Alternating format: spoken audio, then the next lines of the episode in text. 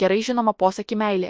Akla su kaupu patvirtina Svetbank saugumo ekspertų narpliojama sukčiavimo istorija, kurioje viena moteris ne tik atsisako patikėti patekusi į sukčių pinklės, bet ir ieško būdų apeiti banko specialistų raginimus nutraukti mokėjimų pavedimus į užsienį.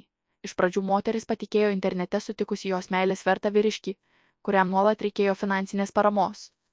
Vėliau ji pinigais sėmė šelpti ir neva į bėdą užsienyje patekusi giminaitį, tačiau ši versija banko saugumo ekspertams kelia daug klaustukų.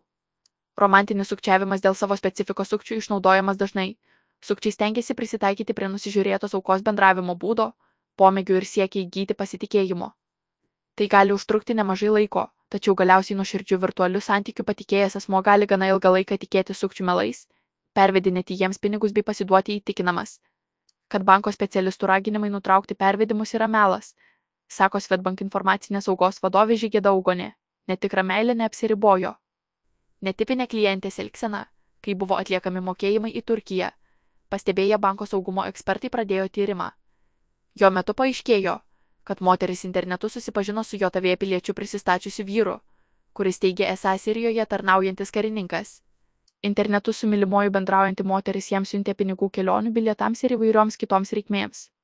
Kai moters elgsena sukėlė įtarimų banko specialistams, jie ėmėsi aiškinti, jog pastaruoju metu siūstos 3-5 tūkstančiai eurų siekusios sumos buvo skirtos kitai paskirčiai neva į bėdą Turkijoje patekusio giminaičio advokatui ir teisėjui. Taip pat neva buvo mokama už tariamą siuntą su asmeniniais giminaičio daiktais. Tiesa, nei apie savo giminaitį, nei apie nemalonę situaciją, į kurią jis pateko, moteris nieko konkretaus papasakoti negalėjo. Be to, nebuvo ir jokių siuntų siuntimą įrodančių dokumentų.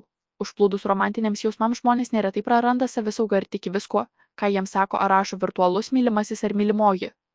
Iš to, kaip klostėsi šios moters istorija, galima numanyti, kad sukčių auka buvo įtikinėjama nepasiduoti banko specialistų mėginimams stabdyti pavedimus, tai paverčiant juos internetinės meilės priešais. Komentuoja Žiaugonė, pasak saugumo specialistės, tai gana dažnas sukčių elgesys.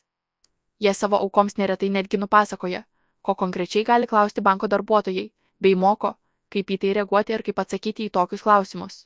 Ragina išlikti budrius. Nors malonus dėmesys, komplimentai ir jausmas, kad tikrai suradome savo žmogų, gali apsukti galvą.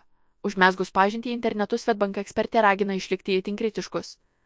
Kuomet su žmogumi susipažįstame internetu ir nesame nekarto jo sutikę gyvai, Tiesiog būtina paieškoti daugiau informacijos apie jį internete. Palyginti ją su socialinio tinklo paskyroje ar pažinčių svetainėje pateikiamais duomenimis.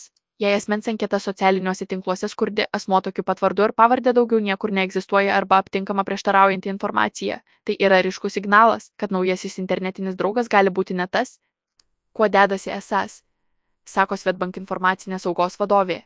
Pasak Žie Augonės, Sukčiai dažniausiai savo identitetą formuoja pagal nusižiūrėtos aukos skonį ir pomėgius.